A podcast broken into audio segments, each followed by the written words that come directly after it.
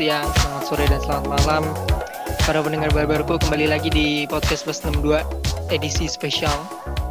Nggak spesial sih sebenarnya udah udah lewat Halloween ya. Halloween juga bukan tradisi orang Indonesia ya. Jadi gue uh, ini aja sih me mencocok-cocok logikan aja dengan kejadian yang terjadi sekarang. Kembali lagi bersama gue host yang paling menyeramkan seantero Indonesia, Raffi Rainer. Kali ini di episode keberapa ya? Oh, episode ke-30. Sudah 30. Sudah. banyak. Berarti ini spesial udah banyak. Iya, betul sekali. Sudah 30 menuju ke 31 dan lain-lain. Uh, udah mau setahun ya, jadi akan memberikan konten-konten yang mau yang berkualitas saja, bukan konten-konten yang asal tembak. Jadi hari ini ada uh, gue ditemenin sama Rizky Ramadan Eke Eki Pai kembali lagi di sini. Wadap wadap. Yo, I'm good. Ya udah gitu aja. Yo iya. Ih, nggak jelas. Ya. emang, eh, emang orangnya nggak iya, jelas emang. emang emang suka nggak jelas emang nggak jelas ya emang dia nggak jelas? Di sini dia role-nya kalau ada kalau ada kasih peran sih perannya Kipa itu sebenarnya cameo bukan pemeran utama juga bukan. Pokoknya dia nggak jelas lah asal tembak aja. Nah selain ada Kipai ada um, Rizky Latifah Laksmono untuk pertama kalinya hadir di podcast Plus 62 setelah berabad-abad pengen join Enggak sih, gue yang mau iya? ngajak dia join, tapi gue yang Langsung. terus uh, sibuk, so sibuk sehingga tidak mengundang-undang. Halo Frisky, selamat datang. Halo. Jangan kayak gitu ah lagi lagi dia mah sombong sih enggak itu. Kemarin spesial uh, spesial Valentine. Terus sekarang emang pasti cocoknya yang horor-horor ya emang mukanya juga horor sih. Gue nggak bilang ya. Gue nggak bilang gitu ya.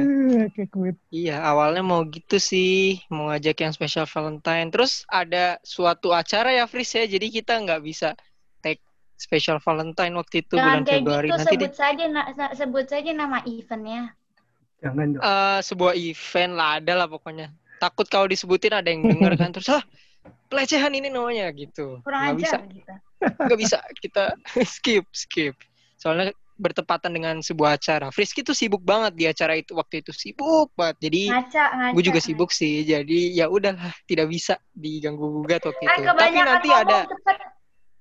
Oh ya siap siap maaf. Ini untuk pertama kalinya narasumber gue memarahi gue jadi dia punya kuasa lebih atas gue di sini ya karena dia sebenarnya owner aslinya dia. Gak dibawa. Waduh mantap mantap. ada ada Kipai, ada Frisky, ada juga datang sejak episode keberapa ya? Untuk pertama kali sejak episode 3 kalau nggak salah. Ada Wildan, Mulyadrin Putra. Halo, halo Wildan. Cek. Halo, halo Ray, halo Kipai, Frisky. Selamat ya, malam semuanya.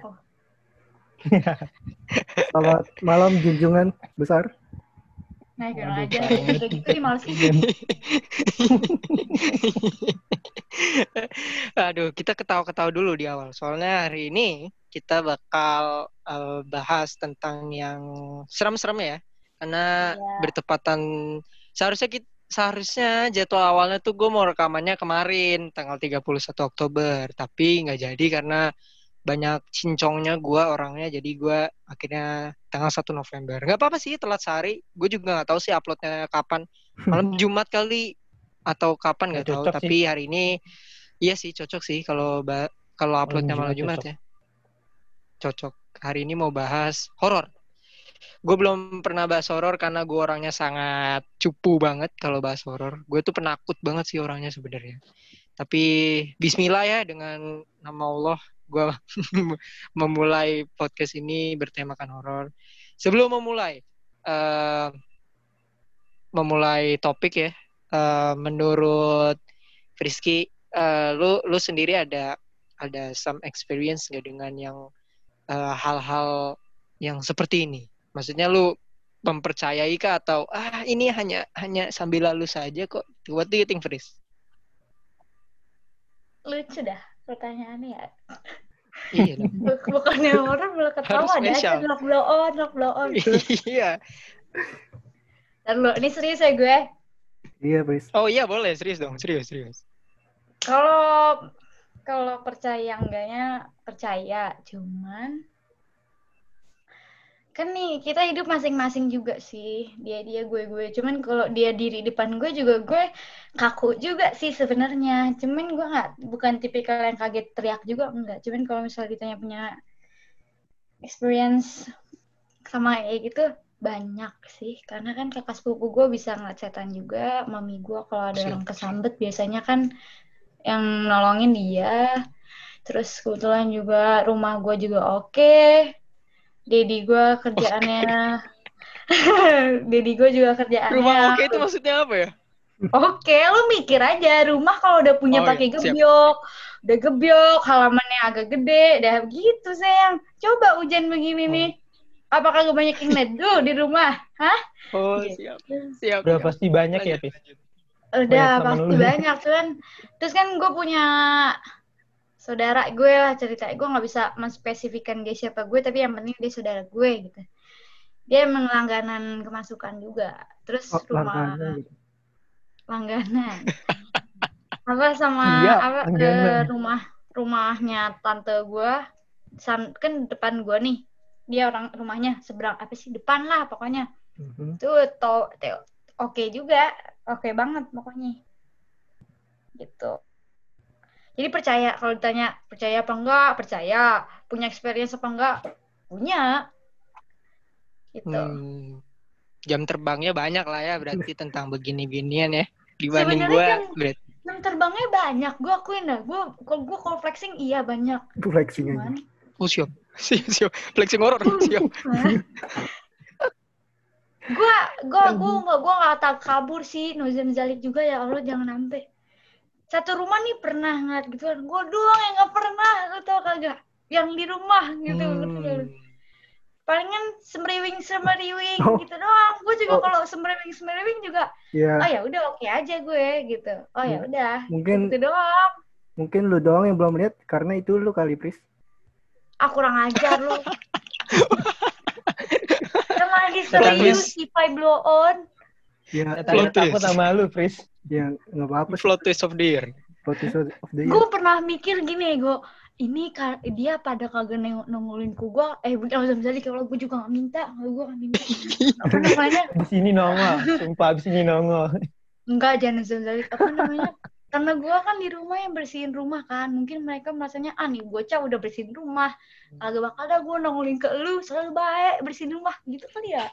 Gue juga mikirnya gitu gitu deh. Coba tuh saya Wildan. Wildan kan anak pintar ya gue mana percaya setan?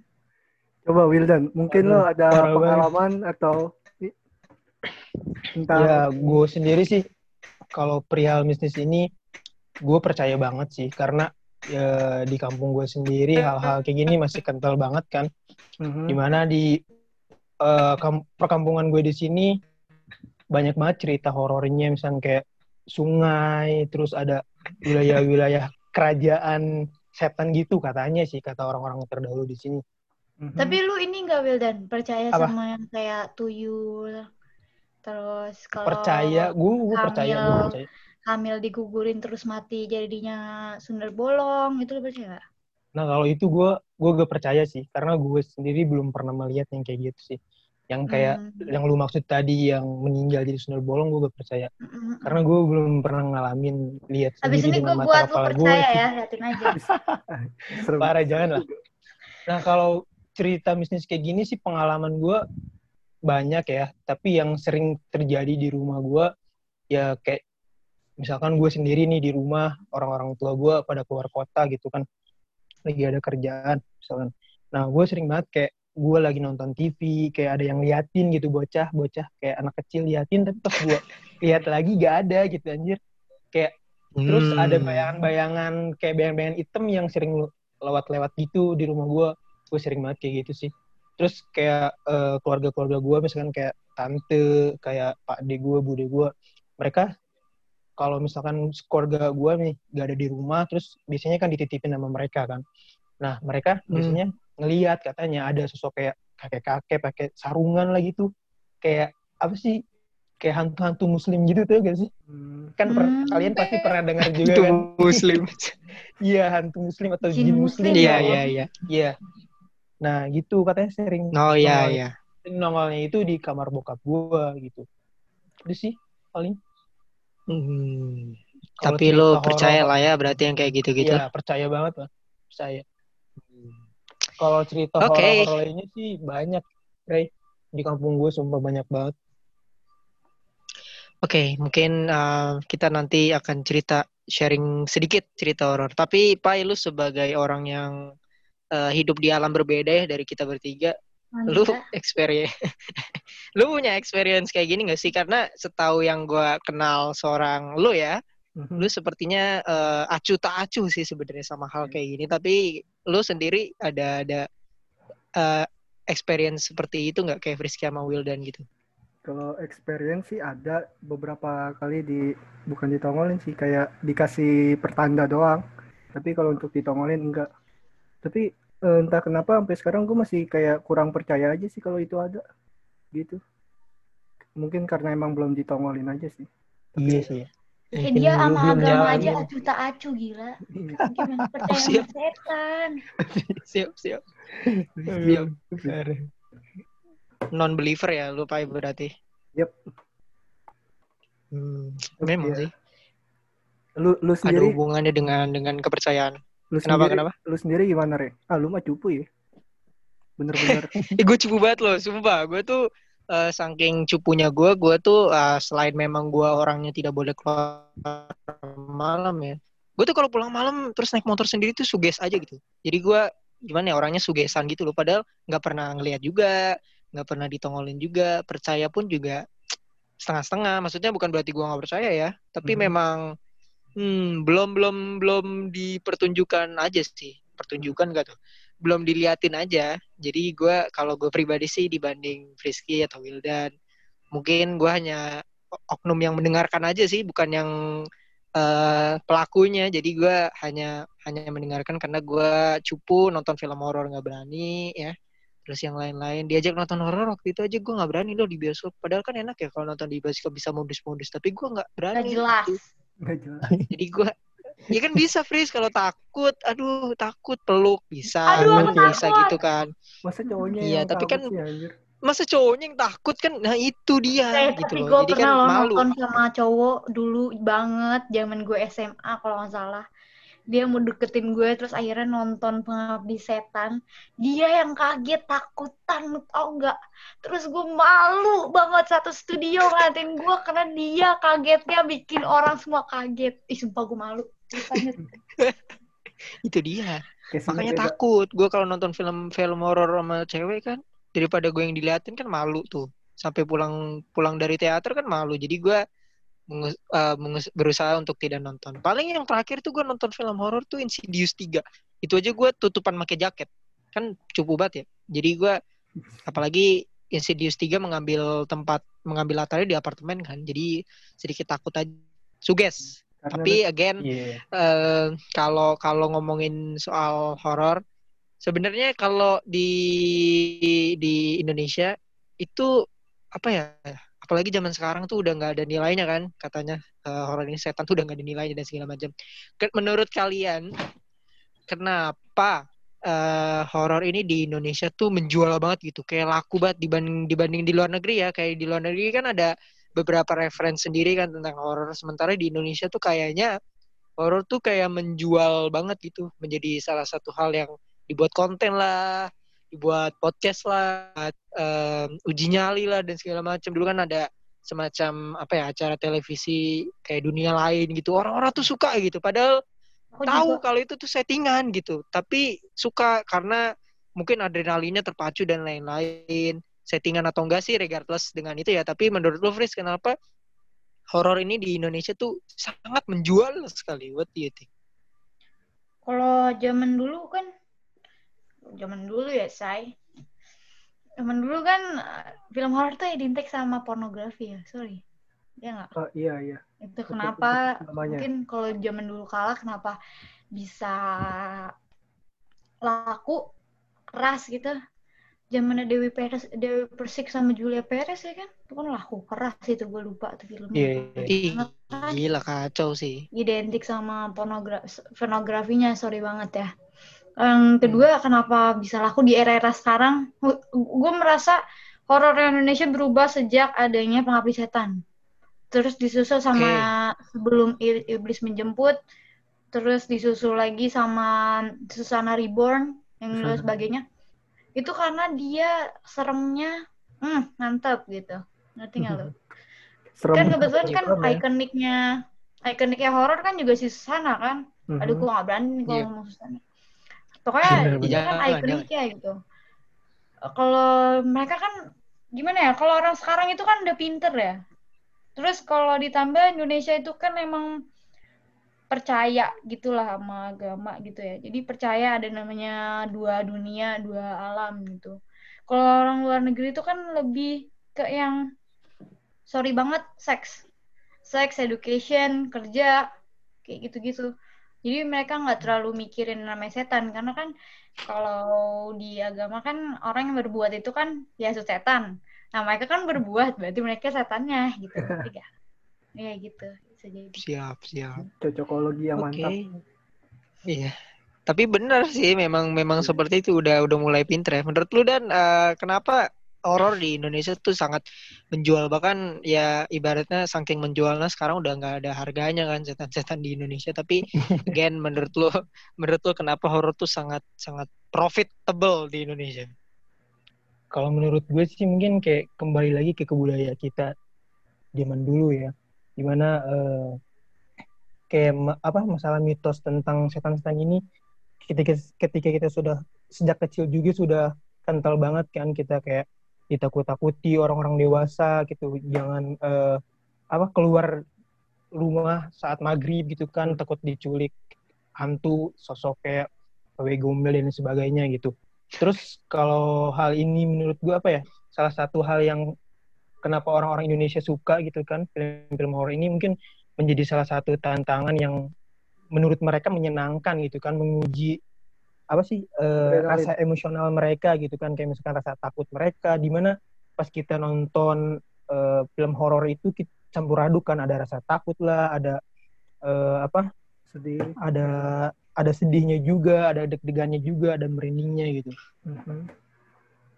itu sih mungkin menurut gue terus uh, apa ya di mana zaman zaman dulu juga ya orang uh, nenek nenek moyang kita zaman dulu gitu kan zaman zaman purba uh, orang-orang di kita menganut sistem apa menganut uh, paham animisme dan dinamisme gitu.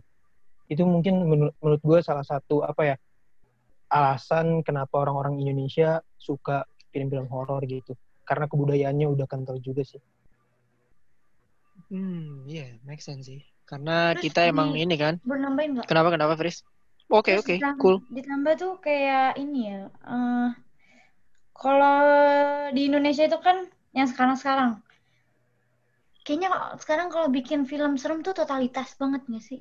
Totalitas. Iya, benar banget sih. Hmm. Terus sama orang sekarang juga kalau nonton film yang dilihat apa? Aktor-aktrisnya yang main misal Chelsea Island, Chelsea Island atau siapa kayak di dalam situ. Pasti kayak waktu itu gue nonton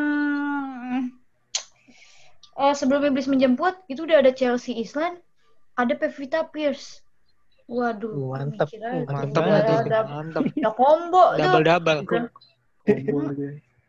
dan emang ditambah filmnya lebih tiga kali bagi gue tiga kali lipatnya pengabdi setan bagi gue itu jantungan udah kayak apa. Tapi mungkin orang tuh nonton film serem karena ini juga ya. Uh, demennya aja gitu. Senam jantung. Hahu hahu hahu di, di, di apa di bioskop. Kan orang misalnya lagi gedok banget ya kan. Lagi emosi banget nonton bioskop yep. nonton serem jadinya kayak ah! Gitu. Jadi kan keluar emosi kalau orang tuh. Iya betul. Gitu. Bener bener bener Iya udah mulai serius ya produksi rumah-rumah film horor dibanding nah, bener, kayak Frisky bilang bener. dulu. Ba itu uh, udah udah udah improve banget. Bahkan uh, ada beberapa film yang dilirik sama studio, studio luar gitu ya kan. Kayak Iya. Mm yeah. hmm, sempat diadaptasi lagi atau diperanin ulang lagi kayak apa yang tadi uh, Pengabdi Setan tuh sampai beberapa versinya uh, negara lain kan dibuat kan ya. Kalau nggak salah. Yep, yep. Gitu. Apa, Karena tuh menurut ngikutin- gua horor horor di horor di Indonesia tuh kayak organik gitu gak sih? Organik banget gitu loh. Iya. Nggak nggak di nggak di apa? kadang nggak dibuat-buat. Seremnya tuh kayak seremnya Serem looks banget. real dibanding dibanding luar ya, dibanding dibanding horor luar kan lebih fokus ke gorenya kan, ke gornya, ke Iya. kekerasan dan segala macam. Kalau kita tuh kayak horornya intens gitu nggak sih? Ben- kayak bener-bener sesuatu yang setan. supernatural gitu. Iya bener-bener bener-bener di real ghost gitu. Ya, gue juga eh, Heeh, kalau horor super horor supernatural banget gitu loh. kalau horor luar tuh kayak lebih banyak jump scare sih daripada setannya itu. Sama backsoundnya bagus. Nah, iya itu Hmm. backsound. Mereka lebih pintar bermain di situ sih. Iya Ya, emang Hollywood. Indonesia juga kan kaya akan budaya dan kaya akan urban legend banyak ya. Jadi ki- mungkin ki- itu suatu keuntungan bagi Indonesia gitu sih. Yang gue paling ingat film serem apa Hmm. juga zaman dulu. Gue ngikutin banget kan yang zaman dulu film serem apa film serem film seremnya kayak Suster Keramas. Wih, Dihamil serem banget. Ini Terus- gayung. Yang Ini dari- cangkul yang kayak gitu. Gayung, Serem kayak banget. gitu gitu. Padahal Tali judulnya pocong perawan. Eh, tali pocong perawan, bener. Cocok. Wih, Tapi kalau menurut gue sih film-film horor Indonesia yang menurut gue ngena banget pas ditonton itu yang diperanin sama Susana sih itu wah parah gila. Waduh, jangan tanya. serem sumpah banget apalagi kalau nontonnya Legend, tuh man. malam Jumat wah parah sih gila asli, uji banget itu asli. Gue nggak minta Asli. di ini sih nggak minta ya Allah Nuzul Jalik. Tapi sen- tapi ketawanya Nuzul Jalik udah itu ciri khas banget demi Allah. iya pa- pas banget cocok banget sih Ciri khas banget. Banget deh, banget, banget. Udah-udah ibaratnya template ketawa ketawa kuntilanak tuh kayak dia gitu ya. Template Iya, ketawanya tuh kayak bener. Iya kuntilanak yang ngikutin dia dah. dia. Oh siap, siap, siap, siap, siap. Saking ikoniknya kalah kuntilanak. Kuntilanak impression Susana ya. Iya, bukan Susana yang impression kuntilanak, bener juga sih. Nah, em, tadi ada yang nyinggung tentang Kipa ya, urban legend dan segala macam. Kan Indonesia ini punya apa ya, hampir jutaan lah, saking banyaknya, saking banyaknya cerita-cerita horor di Indonesia tuh. Eh, ada yang cerita inilah dulu pas gue masih kecil tuh ceritanya banyak banget, termasuk cerita-cerita di sekolah dan segala macam. Menurut lu, Iya. Fris, cerita selama lu hidup ya, selama lu hidup sampai sekarang, cerita horor yang paling khas di Indonesia atau yang paling khas selama selama lo selama lo pernah denger atau lalui lah menurut lu cerita horor yang paling khas dan paling serem menurut lu cerita tentang apa? Lu tahu pesugihan nggak? Itu yang paling serem. Hmm, Pesugihan itu kan soalnya janjian, janjian nggak tuh, say? janjian. perjanjian perjanjian Bikin janji, gitu, bikin janji sama jin. Gua kasih lu kaya, lu kasih gue anak lo. Atau enggak, lo Iya. kasih turunan gue. Gitu. Itu harus paling ada yang dikorbankan kan Kalau pengorbanan doang nggak apa-apa Wildan. Kadang ada yang saking gilanya sama. Ini gue karena ini ya, tiap minggu tuh gue nontonin beberapa channel YouTube dan ditambah emang ada asli nyatanya. eh kalau sekedar oke anak terakhir gue buat lo gitu ya. Sekali kalau jangan sampai iya apa namanya anak terakhir gue buat lo gitu terus dia pas anak terakhir dikasih nih si orang tuanya masih kurang gitu kan. Ya udah gue kasih deh keturunan gue buat lo kan berarti semuanya say. Kagak ada matinya. Hmm, itu ring itu lingkaran tetap Iya. terus gitu. Dan ini yang menurut aku tahu ya. Eh kalau lu mati itu lu nggak itu lu nggak ke atas. Lu nggak di lu nggak ke pangkuan Tuhan lu stay Masih- di situ jadi budaknya si jinnya ini jadinya Oh. jadi berarti. bukan bukan jiwa anak lu doang tapi lu pun kalau mati begitu itu hmm. karena belum Wow. sampai al- belum sampai alam kubur kali ya Iya, belum nyampe alam kubur. Karena dia Iya. pun pas mati itu, pas udah ditutup tanah, dia ditarik sama jinnya, diikat sama jinnya. Maksudnya sama jin yang bikin perjanjiannya itu. Iya. Yang gue tahu seperti dia- itu. Soalnya mungkin ada dia di- juga masih bisa lihat gitu gak sih? Ke orang-orang terdekatnya gitu. Gimana dia. mungkin eh, si orang yang meninggalnya ini tuh dia masih bisa berinteraksi berinteraksi atau memper apa ya melihat saudara-saudaranya atau keluarganya tapi keluarganya gak bisa melihat dia gitu. Ih kagak. Jadi arwahnya dia yang udah meninggal itu eh, misalnya gini ya. Jadi kalau orang pesugihan itu harus ada di pesugihan ilmu hitam gitu-gitu ya. Dia yeah. harus ke gedung yang udah tua. Karena yang gue tahu rata-rata gedung rumah gitu-gitu. Ke rumah kosong. Itu biasanya dia bakal ketemu sama bala apa kan bala apa sih kayak kepala kepala jinnya tuh di sana gitu. Ketemu hmm. kepala jin di sana lu bikin perjanjian lu bisa ngasih apa. Setelah lu mati lu jangan berharap arwah lu nih misalnya misalnya gue gini eh misalnya gue nih janjian eh janji eh bikin perjanjian gitu janjian. sama, sama jin.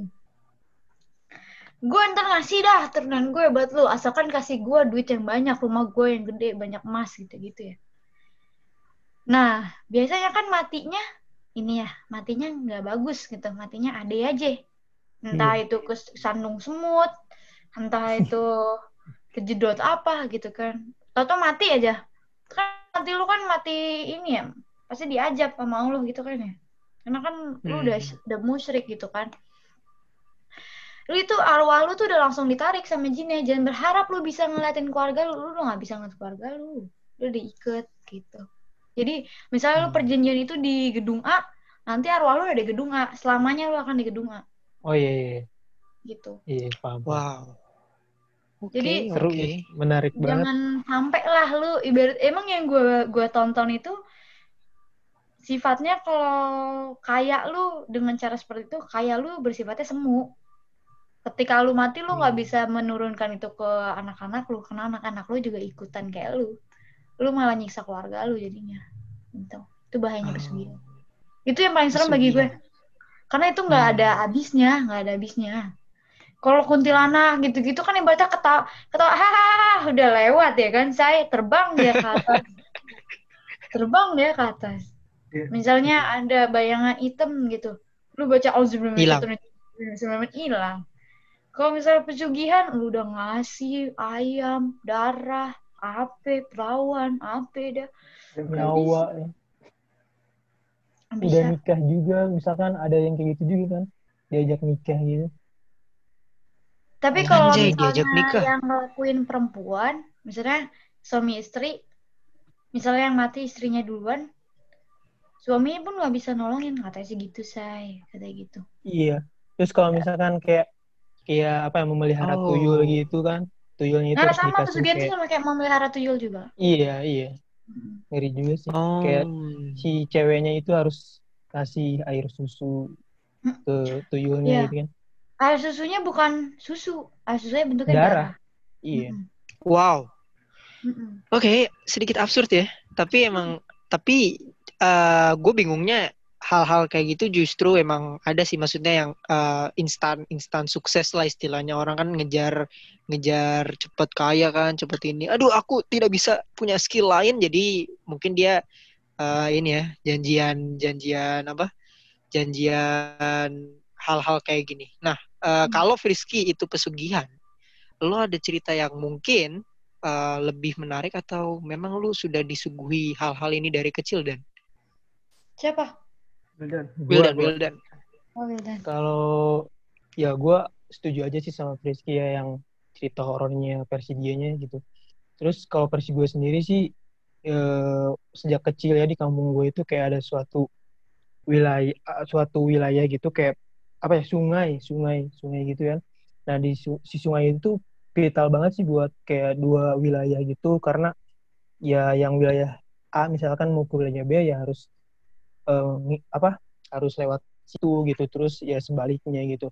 Nah di situ di wilayah itu tuh banyak banget cerita-cerita mistisnya kayak misalkan ada buaya putih lah ada apa ya ada hantu apa sih yang anak kecil kalau berenang itu di apa di tarik-tarik gitu sampai sampai meninggal gitu. Itu banyak oh, banget iya. sih udah kejadian di situ.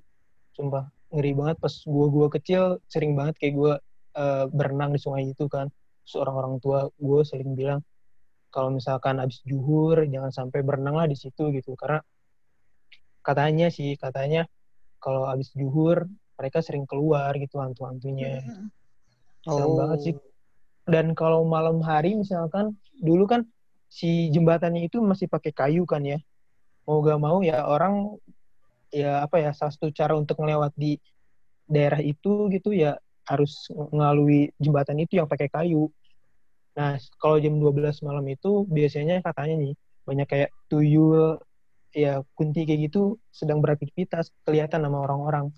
Tuh, terus setelah itu kan eh, beralih tuh itunya warga-warga di sini sepakat kayak buat jembatan yang lebih apa ya kokoh gitu.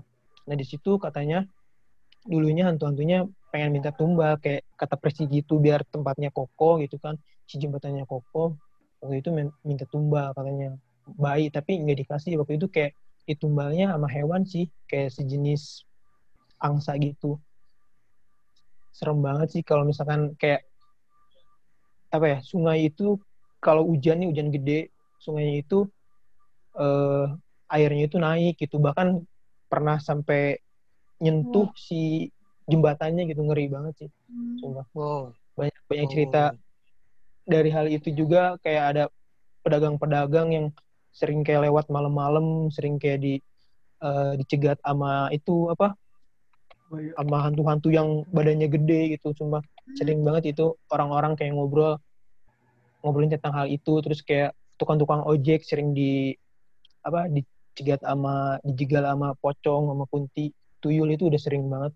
Makanya kayak di kampung gue ini si tempat ini tuh menjadi salah satu tempat yang apa ya yang jadi perhatian banyak orang gitu karena kemistisannya itu gitu banyak banget hantu-hantunya beragam banget.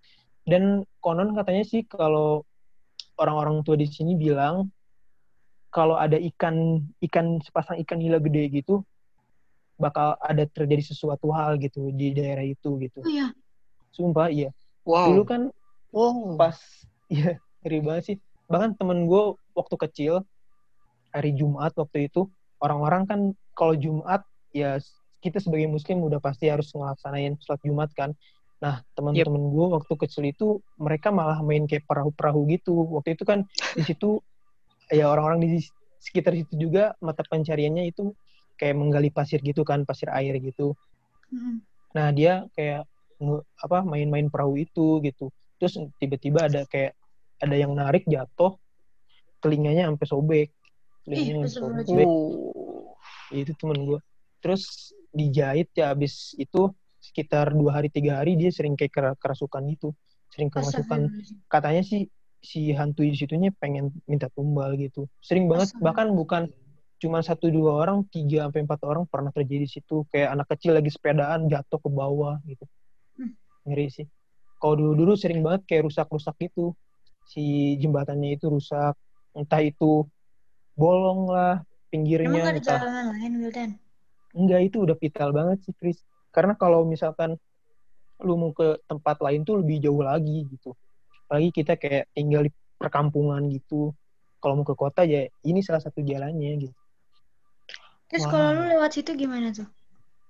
Kuat Hilda. Kalau gue sih, gue waktu SD kan sekolahnya kesak lewat situ kan. Kalau sekarang enggak.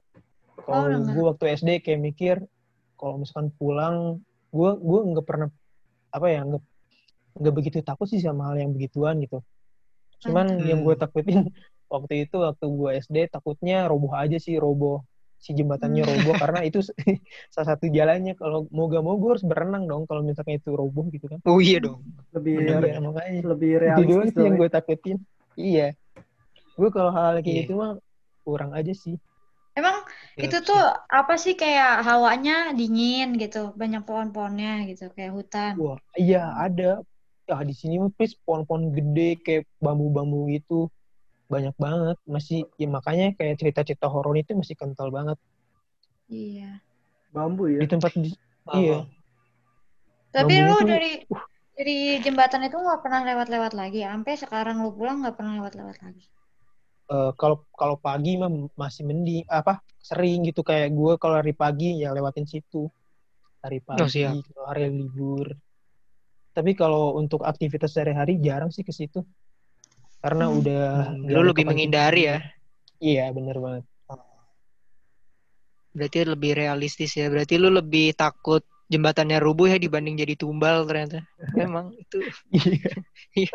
iya realistis sih daripada jatuh Iya. mati konyol jatuh dari jembatan kan.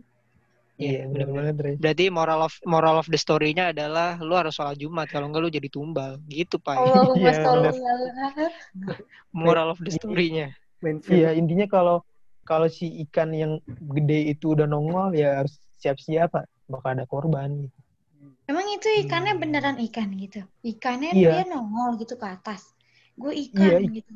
Waktu itu kan Gue ikan.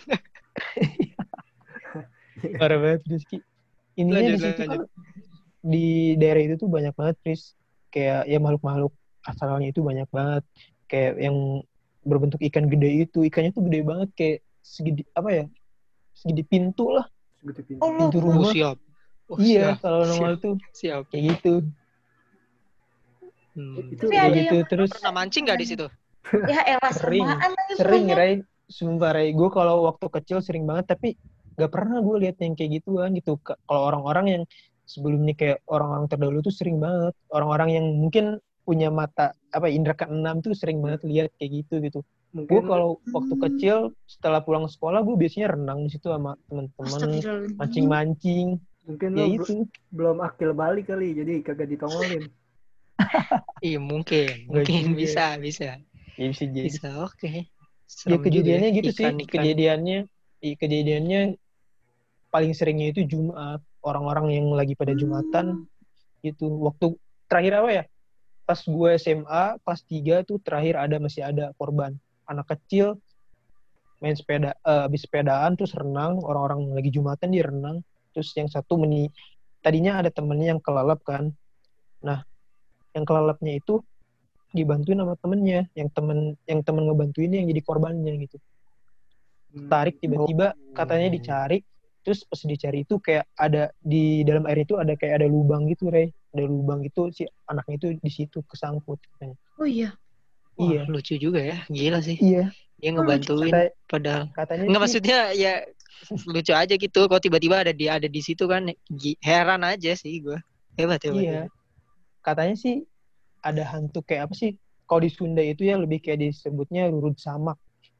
Biasanya si Hmm, hantu-hantu tuh? itu si hantu-hantu itu tuh kayak berbentuk samak gitu Rey. Kayak apa? Kain kain tau kan Oh kain putih ya? Oh. Iya, bisa Oh, kain tahu. putih, kain apa aja bisa, tapi berbentuk kain gitu kayak Wah, ke bawah air, tiba-tiba langsung ngegulung gitu, ngegulung orang.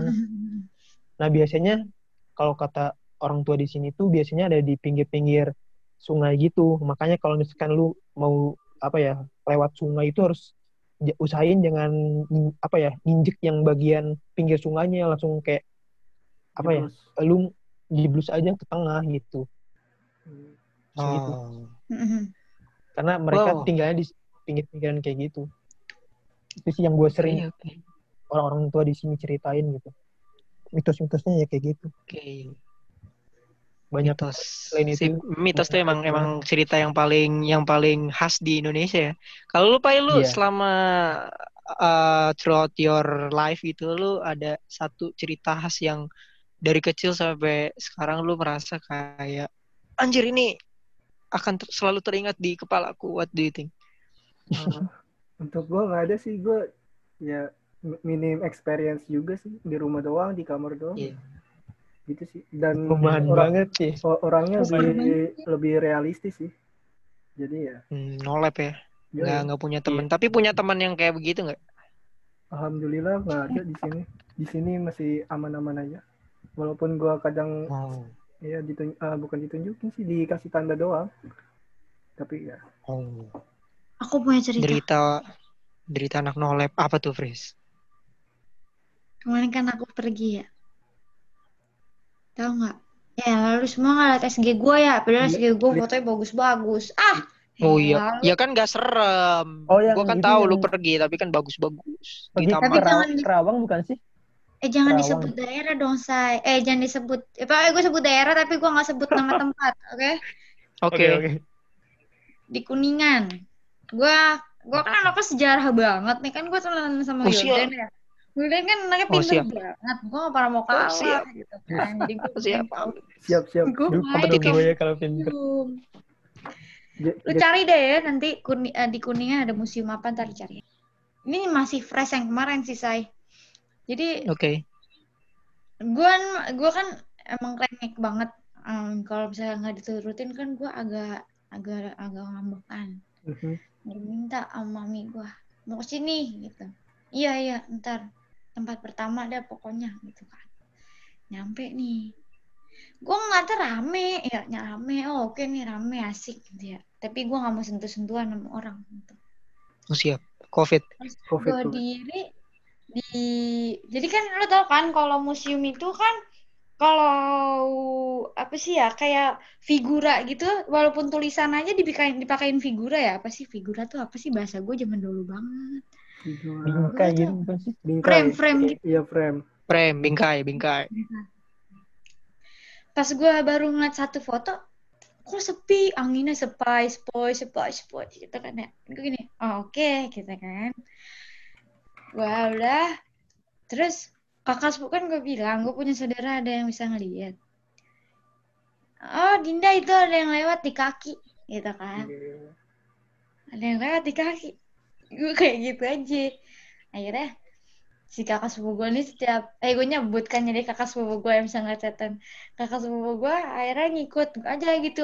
Gue ngikut dia juga sih kalau misalnya gue lihat-lihat apa gitu ceritanya mami gue iseng-iseng masuk ke kamar kamar kamarnya gitu. Pas lagi mau foto sumpah gue merinding anjing. Pas gue pas mami gue mau foto jadi fotonya itu di kamar. Kamar itu kan ada ini ada ada lemari gitu gitu ya nah di hmm. lemari hmm. ini sampingnya ada kayak pintu lagi gitu tapi nggak ada pintu cuman cuman ini aja bentuknya aja gitu kotak hiasan hiasan enggak jadi kayak bolongan pintu tapi nggak ada pintunya gitu oh, oh. Hmm, lucu yeah. juga ya oke okay, hmm. oke okay. eh keluar bocah dua Bocah. Anjir.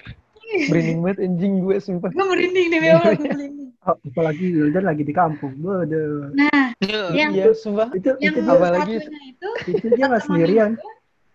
Jadi si mami gue nih lagi mau foto, ada yang ada yang lari gitu kan. Ini bocah dua lari. Mami gue nih sama mami gue apal gitu ya. Ini mukanya begini nih. Dia berdua lagi di foto. Dikejar tuh bocah hilang. Itu masih jam jam nggak nggak sore sih jam dua jam satu lah.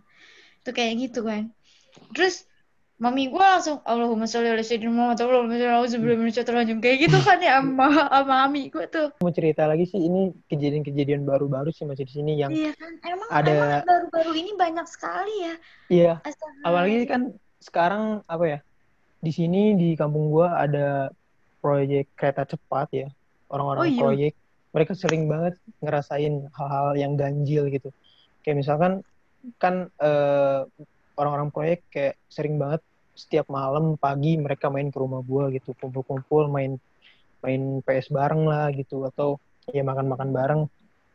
Mereka sering cerita ke gua. Dan kata orang tua gue sih yang sekarang digarap proyeknya sama mereka itu itu salah satu wilayah-wilayah yang apa ya mistis banget, horor banget gitu. Hmm. Karena dulu dulu tuh ada kayak orang yang abis abis berenang gitu di sungai, dia sakit, sakitnya itu sampai sampai beberapa bulan lima bulan gak sadarkan diri gitu ternyata si arwah itu dibawa sama yang makhluk halus gitu terus pas gitu dia dia ceritain pas dia dibawa tuh katanya di wilayah ini tuh dulunya itu ada kerajaan gede banget gitu. Terus orang-orang yang meninggal yang jadi korban itu dijadiin budak ada yang dijadiin raja katanya. Sama setan-setan di situ. Nah sekarang daerah itu tuh digarap sama orang-orang proyek sekarang. Terus orang-orang proyek saya kayak sering ceritain pernah dengar yang nangis lah. Terus orang-orang yang jualan nih orang-orang di sini kan ada yang jualan gitu di dekat proyek. Sering hmm. kemasukan bokap gue sering dipanggil. Ya sering kemasukan. Terus kayak tiba-tiba gak sadar diri aja. Terus tiba-tiba pas bangun ketawa-ketawa gak jelas. Gimana sih orang-orang keserupan? Cuma di sini masih Iya kayak lu kipa itu. itu. Terus tiba-tiba katanya ada nih salah satu anak anak anaknya gitu anak yang jualan di dekat proyek itu. Dia lagi sholat tiba-tiba kayak ngelihat ular langsung kayak gitu. Langsung pingsan pas bangun tingkahnya itu kayak ular. Gimana sih? Oh, iya. Sumpah. Orochimaru. bokap gue bilang gitu karena yang ngobatinnya kan bokap gue bokap gue eh, di sini termasuk salah satu apa ya bisa dibilang ya orang bisa juga lah gitu siap. tapi gue Iya, orang tapi sejauh tapi sejauh ini sih gue kurang percaya juga sih karena gue belum ngalamin sendiri sih gitu Ya lu jangan nantangin bro on. Ntar kalau begitu enggak gue gimana? nggak Iya. Wah ini kayaknya promising nih Wildan nih. Korban yang Promising. promising janganlah. promising gak tuh. Eh ya baru-baru ini ya. Tapi gue sih enggak sih. Ya. Karena di rumah doang kayak kipai. Kuncinya tuh di rumah Iya. aja sebenarnya. Tapi yang Frisky Dan- tuh lumayan lumayan ini sih lumayan merinding ya. Itu Iya, sebenarnya dia mau ikut foto sih Fris. Mungkin. mungkin sih Ray itu dia mau ikut karakteristik foto. wilayah juga itu mempengaruhi sih menurut gue karakter Oh. wilayahnya karena Hmm. kalau lu di kalau lu di kota kan mungkin rame-rame ya orang-orang kayak walau apa ya jarang yang ngeh ada yang kayak gituan gitu kalau di sini kan orang-orangnya nggak begitu rame kayak di kota kan masih kayak ya kalau malam sepi kayak gitu ya mungkin itu juga mempengaruhi sih menurut gue Oke, make sense ya. Ya mudah-mudahan sih yang dibilang Wildan bener ya. Tapi cerita-cerita tadi emang sangat-sangat ini sih. Tapi kalau gua prefer sih Frisky karena sangat dekat dengan masyarakat ya. Maksudnya itu kan foto terus tiba-tiba ada gitu. Mungkin dia mau, join foto sih, cuman ya ya Hmm. siapa yang tahu ya. Em, kalau gue pribadi sih nggak ada cerita. Tapi, Cuman eh, ada beberapa cerita. Kenapa? Kenapa, Pak? Per- eh, kalau soal foto itu, gue juga pernah, eh, bukan gue sih, teman gue pas perpisahan Foto apa SMP, teman? perpisahan SMP eh, dulu Hmm. zamannya B eh, foto 4 empat layer gitu kan, yang B612 atau apa? Kayak Oh foto, di grid gitu. Iya, iya. foto Oh, siap, pertama, foto siap. kedua. Jadi itu Zaman gua- alay. pa- pas perpisahan itu kan gue di Jogja, Jogja dekat Mali- eh, nggak dekat Malioboro banget sih, tapi adalah di situ hotel yang eh, empat lantai, tapi lantai empatnya tuh nggak dibuka untuk umum, nggak tahu Mm-mm. kenapa. Eh, anak cowok di lantai dua, anak cewek di lantai tiga. Eh, di suat, eh, kang- di ada cewek lagi foto-foto pakai B612 yang canggih itu Iya. di, di foto pertama masih jadi dia foto tapi madep ke apa belakangnya tuh pintu pintu hotel gitu kayak di dalam hotel tapi kayak ada lorong gitu loh Oh iya paham. Iya. paham. Eh, di foto pertama masih aman foto kedua udah mulai muncul rambut foto ketiga mu- eh, muncul rambut sama muka foto keempat Hmm. udah hilang lagi di situ langsung Anjir, gitu. di di share di grup angkatan udah geger dah tuh satu sekolah pas perpisahan untung itu Oh, udah di, di share-nya Iya. tuh pas hari terakhir pas udah hari-hari mau pulang dari apa dari hotel itu jadi ya aman-aman aja cuman dia doang kali Oh. Gitu sih Iya mungkin dia aja. Tapi kan so- tapi ya tetap aja ya kita kan tidak tahu apa yang terjadi. Sekolah tuh sebenarnya seru loh cerita-cerita di sekolah tuh kayak hmm, sebenarnya ceritanya lebih menjurus ke ini ya. Se- Sebenarnya lebih menjurus ke lucu-lucu doang sih. Emang sekolah sekolah kalau malam tuh serem tau. Semua serem banget. Sekolah tuh kalau malam serem banget. Padahal tuh eh, gedung bukan gedung apa ya, bukan gedung kayak gedung tua kan. Iya. Kayak gedung Hmm. yang ini sebenarnya gedung yang masih aktif tapi kalau udah malam lewat. Ih serem juga sih. Apalagi yang empat lantai. Ya karena banyak Nah, ituan sih terus banyak di pojok-pojok iya banyak pojok-pojokan itu sih. Dan kita bakal ngerasa diliatin iya, dari situ. ceritanya juga ya. Hmm, Itu alasan banget. sekolah ih gua sih. gak pakai dasi juga sih. Gak Karena dulu dasi. jangan gue sekolah SMA nggak pakai dasi. Dan lo emang kenapa tuh? Ya karena ada yang meninggal di kamar mandi pakai dasi. Wow. Jadi di wow jadi di, regulasinya keren juga sih sebenarnya itu ya jadi gue SMA nggak boleh pakai dasi makanya orang kalau ngeliat SMA gue kita nggak pakai dasi kayak enak banget gini gini gini gini SMA nggak pakai dasi tapi kan balik ceritanya kayak gitu jadi dia meninggalnya di kamar mandi pakai dasi Sebenarnya hmm. meninggal itu bukan anak sekolah gue, tapi dia hamil karena cowok sekolah gue gitu. Terus akhirnya, oh. akhirnya hmm. dia bunuh diri di kamar mandi sekolah gue. Sampai sekarang itu kamar mandi nggak pernah dibuka. Jadi hmm. totalnya itu ganjil. Harusnya kan empat. Harusnya empat jadi tiga. Dan jadi itu nggak ya? ada nggak ada yang bisa buka juga. Dan kalau gue dulu oh, di SMP itu Gak ada yang bisa buka, literally gak ada yang bisa buka. Setelah itu gak ada yang bisa buka lagi. Makanya kalau misalnya udah kelak apa sekolah gitu ya, sampai mau maghrib, nggak ada yang mau ke kamar mandi belakang. Rata-rata kamar mandi depan, buat tangga, gitu-gitu doang. Kalau gue di SMP tuh dulu, waktu gue kelas 7, uh, sama case-nya, hamil juga. Tapi bedanya, kalau ini udah ditusuk sama pacarnya, eh ditusuk disiram air arak mukanya sampai melepuh Habis itu sebelah mukanya itu ditiban pakai batu jadi kan gepeng terus ditutup ngeri, jadi Mister Gepeng terus ditutup sepakai jadi ceritanya ini kan dulu sekolah gue tuh yang SMP cuman kayak kotak sabun gitu ya bentukannya mm -hmm. tapi dia masih punya halaman gede gitu di belakang. Nah, halaman belakang hmm. gedenya itu masih berbentuk kebun gitu. Tapi gue udah tahu udah tahu dulu apa sih? Udah tahu lah kalau itu punya sekolah gue. Terus sampai akhirnya karena ada case itu kebunnya dihabisin, dibabat, akhirnya dibikinlah bangunan. Jadi pas si si ininya meninggal, uh, ceritanya itu kan di belakang itu kan kebunnya tuh kayak kemodelan kebun pisang, alang-alang gitu. Tapi apa orang-orang situ tuh masih suka main di situ gitu sampai ada yang lagi manjat-manjat nah suatu ketika ada ibu-ibu mau numpang ngambil daun pisang ada yang jatuh gitu kan.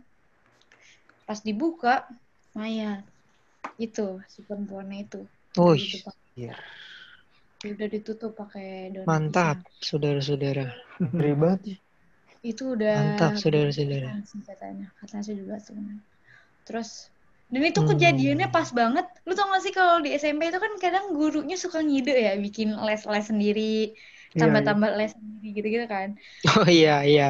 Uh, uh, uh, jadi gue dulu kan selalu ikut, iya ikut selalu ikut privat-privat gitu. Terus akhirnya, itu kejadiannya pas gue baru pulang privat jam limaan itu uh, ketahuan. Itu dia, jadi ternyata si cowoknya ini iya nanti aku tanggung jawab ya, gue diceritain sih ya sama penjaga sekolah gue dulu iya nanti aku, aku tanggung jawabin anak kamu gitu katanya ketemuan ya sama aku di belakang SMP ah gitu. Oh iya gitu. Kebetulan kan sekolah gue itu kan belakangnya itu kan suka dikasih lalu lalang orang. Walaupun banyak alang-alang tapi suka ada aja ya orang lewat situ. Hmm. pas gitu udah ketahuan eh pas dia janjian disuruh merah ditimpa pakai batu si motor ceweknya ini dibawa kabur sama cowoknya. Terus akhirnya cuma iming-iming aja gitu ya udah si ceweknya meninggal. Nah akhirnya arwah si ceweknya ini netaplah di sekolah gue sampai akhirnya waktu zaman gue kelas 9 lagi jadi senior senior sotoy uh, ada di kelas gue yang ceritanya kesurupan. Jadi oh, dia nggak mau keluar dari sekolah banget. hmm. Jadi dia nggak mau keluar dari kamar mandi. Jadi kan pintu pintu kamar mandi SMP gue tuh lucu ya, pintu taman dijadiin pintu kamar mandi ya kan. Jadi hmm. ada kayak ada gerigi-geriginya buat manjat. Jadi hmm. pas si guru gue ini manjat ke atas gitu, ih gue merinding. Si adik kelas gue ini dangak ke atas, ngerti? Mm-hmm. Jadi guru gue ini kan manjat pintu ya kan, kan otomatis kan dia palanya dang, eh, apa nengok ke bawah gitu kan ngeliat si adik kelas gue ini lagi ngapain di dalam. Dan ya. kelas gue yang di dalam malah dangak ke atas ngeliatin guru gue. Jadi tetap-tatapan. Ini asik tuh, gila. Ya, asik. Jadi kayak ya, kayak gitu, kayak kayak semacam hmm. yang nantangin nantangin gitu. Toilet juga salah satu tempat favorit mereka sih menurut gue. Iya, karena, karena uh, oh, lembab ya kan. Iya, karena waktu itu juga uh, pas gue yang nginep itu ya tiga hari nginep di sekolah itu kan di hari pertama itu kita ada kayak sesi perkenalan sama kakak kelas terus kayak pembina-pembina pramuka dan sebagainya gitu. Mm. Nah, kita ditempatin di suatu ruangan di waktu itu lab fisika kalau nggak salah ya lab fisika nah kebetulan pas acara itu tuh banyak banget kayak cewek-cewek yang lagi dapat gitu yang lagi ya yang yang lagi itulah pokoknya yang dapat gitu yang lagi datang bulan nah mungkin si hantu-hantunya itu kayak tertarik datang itu karena mencium bau-bau amis gitu karena yeah, yeah. ya kata pembina itu. Dan di situ banyak banget yang kesurupan sumpah banyak banget. Mungkin ada sekitar 15 orang lah. Nah pas oh, iya. gue keluar pas gue keluar terus gue lihat guru-guru gue itu kayak ngebuka buka pintu toilet gitu ditendang-tendang gitu pintunya. Mungkin marah juga kali ya guru gue ke hantu-hantunya. Iya si pintu toilet itu ditendang-tendang. mungkin. Terus di, lucu juga sih sebenarnya. Iya. Toilet terus ada loh toiletnya itu paling ujung itu tuh udah gak dipakai dipakai lagi. Tapi kenapa nggak ditutup aja gitu menurut gua yang nggak dipakai ini? Karena menurut gua nambah serem aja sih kalau misalnya kita lewat ke situ. Kayak ya jadi berpikir yang enggak enggak lah pas lewat ke situ. Ya mungkin itu ada cerita khusus juga gitu ya per, uh, cerita toilet itu. Cuman nggak ada yang berani nyeritain sih sejauh ini sejauh gue sekolah di situ dan sampai sekarang jadi alumni nggak ada yang ceritain toilet itu. Mungkin pada ditutup tutupin juga ya. Mungkin. Iya. Kalau tahu pasti okay, okay. itu ceritanya.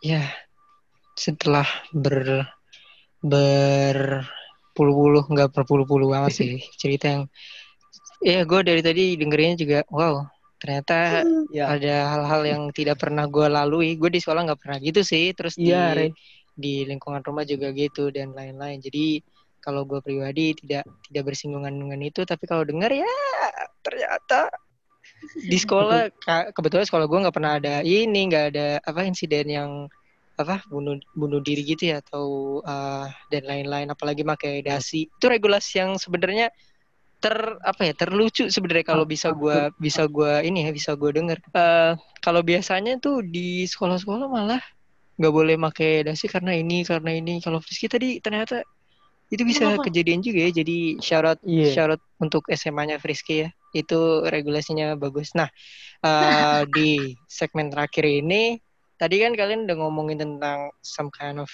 um, yep. cerita yang berhubungan dengan mitos sebenarnya di Indonesia itu mitos itu bersinggungan gitu loh sama horor ya enggak sih? Jadi iya, kalau iya, ada mitos ini pasti bersinggungannya sama uh, hantu.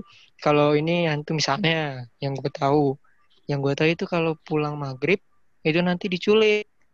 Iya, salah satunya. Ya. Itu lucu banget sih sebenarnya lucu. Tapi kalau kalau bisa dibilang ya jangan-jangan kalau maghrib tuh jangan jangan jalan atau ya. jangan kalau pulang tuh jangan maghrib nah, habis iya. habis maghrib aja gitu kalau di budaya Sunda itu kalau gini, kalau di budaya Sunda itu disebutnya sandekala sih. Sande itu ya terdapat dari dua dua suku kata. Sande itu bukan, kala itu waktu. Kalau secara waktu, kalau secara apa ya, secara rinci itu kayak uh, waktu yang bukan apa, bukan waktu yang pas untuk manusia melakukan aktivitas gitu. Hmm. Iya. Yeah karena orang si hantu-hantu itu ya keluarnya saat itu saat setelah ajan maghrib ajan maghrib berkumandang nah si hantu-hantu itu pada keluar melakukan aktivitas lah oh itu sih wow. menurut cerita-cerita ada ada frasanya ya ternyata iya iya mantap mantap orang-orang tua gue okay. sering gitu kan keluar habis maghrib gitu sandai kala kalau kata orang Sunda itu Oke okay, oke, okay. sandi kala ya. Oke. Okay. Hmm. Kalau lu Fris menurut lu mitos horor terbesar yang pernah lu denger itu apa? Maksudnya nggak harus yang serem ya atau yang nyeleneh juga boleh sih. Kayak tadi kan menurut gua sebenarnya itu nyeleneh sih, tapi kalau dipikir-pikir lagi, iya ya, jangan pulang pas maghrib atau apa. Kalau lo ada yang pernah lu denger nggak salah satu yang terbesar? Jangan pakai baju hijau ya ke pantai sesuatu. Pantai, iya, pantai yeah. selatan. Oh, gue sempat yes. ini loh pengen selengean nyobain, cuman gue mikir kalau itu beneran terjadi sama lu, waduh lu mempersingkat umur lu sangat cepat, Frisky. Dasar Frisky bodoh. Pernah dengar juga, Fris, yang orang Bandung itu gak boleh ke pantai selatan? Pernah oh, dengar gak sih lu? Nah itu juga ada oh, gua enggak ada kalau orang juga Bandung. sih. Katanya sih. Kayaknya yang ya, lebih besar gua... ini deh yang pakai baju hijau dibanding orang Bandung lah. Gue orang iya Bandung ya, juga mungkin. ke pantai oke oke. Eh, enggak, gue gak tak kabur ya Allah. Ya. Gue gak tak kabur. Oh siap. Gue cuma ngomong. Katanya masih ada kaitannya Oke. juga sih orang Bandung jangan ke pantai selatan kayak gitu. Gue pernah dengar dan Oh. pernah baca sih ceritanya. Ya, gue mau bahas Salah satunya panjang lebar sih kalau ini agak sensitif juga sih menurut gue. Oke, Iya, oke. janganlah, Inti- jangan. Ada beberapa hal yang tidak boleh ditembus, saudara-saudara. Iya. Berarti lebih ke eh. ke mitos yang mitos yang di pantai itu ya, Fris. Berarti lu suka Hmm. dengernya. Eh, Emang itu besar banget sih kalau di Indonesia. Kalau lu, Pai, Eh, ini ada pernah denger nggak mitos? Salah satu mitos horor terbesar Mungkin- yang pernah lu dengar? Mungkin agak nyeleneh sih. Kalau lu foto bertiga, jangan foto, eh, jangan lu yang di tengah. Oh ya. Itu yang mati duluan. Itu sih. Iya. Hmm. Sama yang ini itu- juga Pai, kalau foto bertiga nanti ada yang ngikut gitu tau gak? Foto bertiga apa? Foto berdua? Apa-apa? Gue taunya foto Foto bertiga ber- doang sih. Pokoknya ganjil jumlah jumlah orangnya tuh Iya, ganjil ganjil. gitu ya di di frame-nya gitu. Nah yang tengah itu yang duluan. Oke. Nah kalau. Renur kamu percaya Ya apa? semacam itulah. Eh tadi sih sebenarnya tapi gue tuh sebenarnya gimana ya? Eh Kurang. iya yang yang tadi sih itu yang paling sering gue dengar itu yang paling sering gue dengar. Terus pernah ada eh semacam apa ya sinetron atau apalah dulu di salah satu stasiun TV ya. Ya itu ceritanya ngambil gitu juga, ngambil setting tuh kalau keluar maghrib tuh nanti di di ini di apa diculik lah sama genderuwo lah dan segala macam. Gue juga gitu. jarang sih keluar pas maghrib. Iya, tapi, kalau menurut gue sebenarnya yang close to close to menyeramkan atau nyeleneh tapi Hmm. nyeleneh tapi tidak akan dilakukan orang sebenarnya yang tadi Frisky ngomong itu. Itu tuh sebenarnya kayak gue pengen lihat ya orang orang tuh pernah gak sih ke ke Iya. sana pakai baju hijau tuh pernah Iya. gak sih? Kalau misalnya pernah, apakah terjadi beneran atau tidak? Tapi ya mungkin untuk menghormati ini juga sih, menghormati apa ya? Em, budaya itu. menghormati orang sananya juga jadi kita tidak ya menghormati budaya jadi kita kalau gue pribadi sih mitos yang terbesar sih itu sih yang yang Iya. kebetulan udah disebutin sama kalian dan yang kipa itu lumayan lumayan ini sih yang itu lumayan Pening karena gue ya. kalau foto kan kalau foto Betul, apalagi kalau foto malam tuh gue suka suka nge-review fotonya gitu loh bukan Oh. berarti gue nyari nyari itunya ya I tapi see, I see. kayak nge-review aja Takut tapi kalau ada ya. kalau ada apa kayak kalau channel channel YouTube-nya Nessie misalnya itu kan ada yang pernah dia ngomong ini sih dia ngomong eh dia ngeliatin eh, kejadian-kejadian di luar negeri yang foto terus ada yang ngerangkul lah itu lumayan lumayan ini lumayan bu- membuat merinding karena kan misalnya lo habis foto nih habis foto ih cantik banget. Terus lo kok tiba-tiba ada sesuatu gitu? Jadi kan Hmm. merinding merinding aja sih sebenarnya. Kalau lu dan mungkin untuk terakhir lu ada mitos yang mitos horor terbesar yang menurut lu eh, pernah lu denger gitu? Eh tapi, tapi, lu mungkin tidak mempercayai itu gitu. Kenapa tuh Fri? kalau foto kalau eh kalau foto kalau apa namanya? Sebenarnya dari kita apa dari mitos yang kita udah bilang ya? Yang masih bisa dipikir pakai logika tuh yang memang pulang maghrib sih sebenarnya. Iya. karena kalau misalnya orang misalkan kalau maghrib itu kan pergantian antara matahari dan bulan gitu kan. Iya. mungkin kan itu masih bisa dipikirin gitu. Oh karena mungkin aku pernah baca kalau nggak salah tuh kalau ada matahari dan bulan itu kadar oksigennya berubah gitu katanya. Oh Dan- iya iya iya. Itu kadar dia. oksigennya berubah. Jadi kalau lo dibilang maghrib jangan keluar mungkin karena itu juga sih kan orang dulu karena pergantian antara siang dan malam aja. Kalau misalnya aku tadi itu kan bagi aku kayak apa sih nggak bisa dipikir logika aja karena Hmm. kayaknya kenapa harus hijau? Kenapa nggak merah? Kenapa nggak kuning?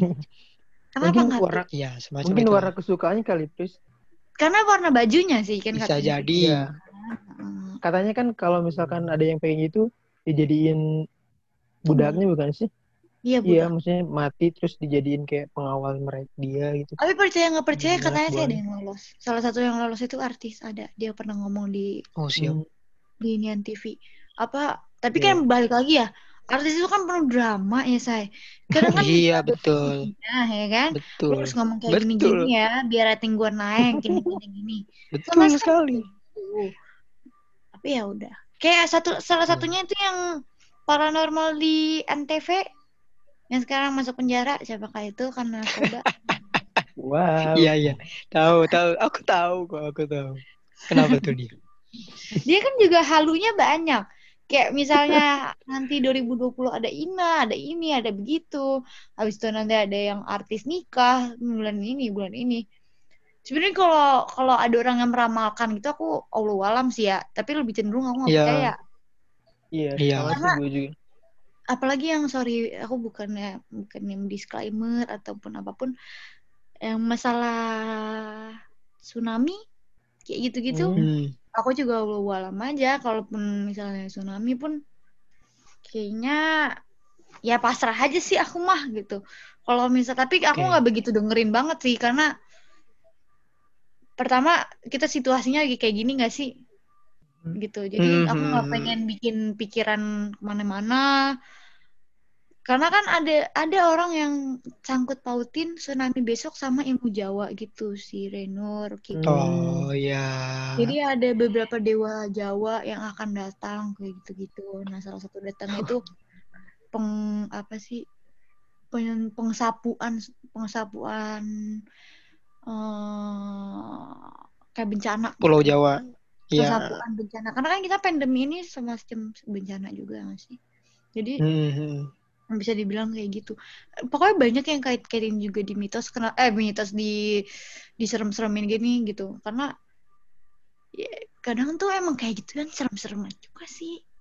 Kalau gue tahu Iya. dari TikTok tuh bianes. Jadi kalau gue Oh, TikTok gue jangan jangan bukan laki-laki atau perempuan yang goyang-goyang, tapi isinya yang begitu-gitu. Oh siap. Iya. Yang goyang-goyang? Info menarik. Info menarik, info menarik. Oke, lastly, eh, lu dan ada ada mitos yang pernah lu denger nggak? Yang dikait-kaitin juga boleh. Untuk terakhir mungkin. Iya, gue sih mitos yang menurut gue agak aneh sih ya. Hmm. Eh, mitos yang apa sih yang jangan nyapu tengah malam gitu. Pokoknya jangan nyapu tengah malam terus Oh, ini masih bisa si- dipikir logika juga sih Wildan. Iya sih. Nggak kelihatan. Iya. kotoran si debunya itu jangan dibuang keluar rumah gitu. Ditaruh aja di salah satu sudut misalkan. Terus Hmm. satu lagi Kenapa emang? yang nggak boleh gue gak tahu sih cerita detailnya tapi kata orang tua sih gak boleh katanya takut ada yang ya gitulah takut ada eh, eh, takut ada yang muncul terus itu kira yang satu lagi yang gak boleh apa sih kayak kepala sisiran di malam hari lah Oh, oke. cewek tuh khususnya cewek tuh yang berambut panjang janganlah malam hari katanya takut ada eh serem banget nih Serem banget. Duh, gue jadi gue jadi kalau yang- deg-degan ngomonginnya soalnya di sini yang angin, anginnya gede banget sumpah. Emang lu di mana? Di Hmm. kampung, Pris. Gue di Enggak maksud gue di kamar. kayak di mana kayak Oh. lagi dia mau di kamar sih. Iya, di kamar. Kamar gue di dep- paling depan. Ibu-ibu gue di kamarnya kamar yang belakang. Anjir. Coba lu lihat, coba lu lihat keluar, mungkin ada yang dada-dada. Blow Parah banget, on, blow on, mulutnya kipai. Tukang ojek, tukang ojek. Tukang ojek gue cuma berdua sama, Mana Kalau ya? yang tadi dibilang Wildan yang masalah nyapu itu mungkin gini kali ya, jangan nyapu malam-malam. Malam itu kan udah waktunya kita istirahat ya kan? Iya. Iya. Karena udah capek gini-gini. eh mungkin lebih cenderungnya bukan waktunya bersih-bersih gitu. Lebih cenderung untuk Iya. istirahat. Pernapasan, pernapasan juga nggak bagus kan? Terus kalau ditaruh di setiap sudut gua nggak gua nggak pernah denger itu sih tuh biasanya. Terus kalau yang satu lagi apa Wildan Gua lupa. Yang sisiran di malam hari yang cewek. Eh kalau sisiran dalam malam, dalam malam hari zamannya eyang gua ada di rumah gua. Eyang gua kan top TOP banget tuh. Sisiran deh jam 12 malam pas gua mau makan. Iya, Pris. Gue Jadi mau kamarnya tuh tut- kamarnya tuh kebuka tapi lampunya mati. Eh, jadi kan kalau turun tangga kan eh, kiri gitu ya kamarnya. Jadi Hmm. kalau gua nengok dia lagi sisiran. serem juga. gue mau nanya deh, Pris, ke lu. eh, di, ru- di rumah lu tuh ada kursi goyang gitu gak sih, Pris? Tapi di eh, gua di rumah gua nggak ada, sih. tapi di rumah nenek gua ada. Di rumah gue, Nggak deh. di rumah Kalau nenek gua itu ada. saya, aduh. Aduh saya kalau itu nggak dulu deh. Ya, mohon maaf. mohon kan maaf nih gue emang gue parno banget yang itu tuh sumpah. Kan, kan lo orangnya jauh banget kan Fris pasti ya. Iya karena kan ornamen di rumah gue kayu semua. Kayu, kayu emang gitu, iya. kan itu kan uh, sekursi goyangnya mau dipindah di rumah gue dan gue salah satu orang yang ngambek sangat ngambek. Gue nggak makan gue nggak ngapain. Gue bilang aku nggak pengen nih ini. Walaupun itu kan punya uyut gue ceritanya. Jadi uyut gue sama uyut gue yang lagi di atas lagi itu meninggalnya pas banget di kursi goyang itu pas lagi goyang-goyang sepoi-sepoian terus goyang-goyang TikTok. Kan goblok. Terus habis itu uh, warisan lah ceritanya itu kan. Warisan Coba. jadi gue bilang tinggal taruh rumah aja kali ya gue langsung enggak ah ngapain sih rumah-rumah? Terus pas banget mau ditaruh depan kamar gue. Karena itu satu-satunya space yang cocok gue malam-malam gua gua marah gua. Gua marah gua nggak mau. Apalagi kan gua anaknya laparan jam 12 jam 11 makan. Ya gua keluar di goyang-goyang. Apa gua kagak teriak begitu ceritanya? Iya benar mau bener gue gue juga setuju sih gua. Itu yang paling bikin gua aduh enggak deh gua kalau lewat kalau lewat ornamen-ornamen seperti itu ya. Apalagi benda seperti itu saya tidak dulu takutnya tiba-tiba ya kan. Lo maju sendiri goyang gitu. Kenapa? Ada apa nih gitu. Jadi Tapi ya sudah lah mungkin. kalau yang serem-serem gitu emang apa ya emang, emang gitu sih. Apalagi kan dulu sebenarnya tuh kursi goyang tuh gak akan dapat apa cuman kan udah ada cerita udah inget gak sih lo yang film kursi goyang? Mungkin orang tuh udah disclaimer karena mahal-mahal kayak gitu kali ya. Iya iya. Jadi jadi stereotip zaman eyang gue di rumah gue tuh wah mantep deh. Yang namanya kan Vidi kalau pulang dari toko kan jam satu jam 2an kan. Mm-hmm.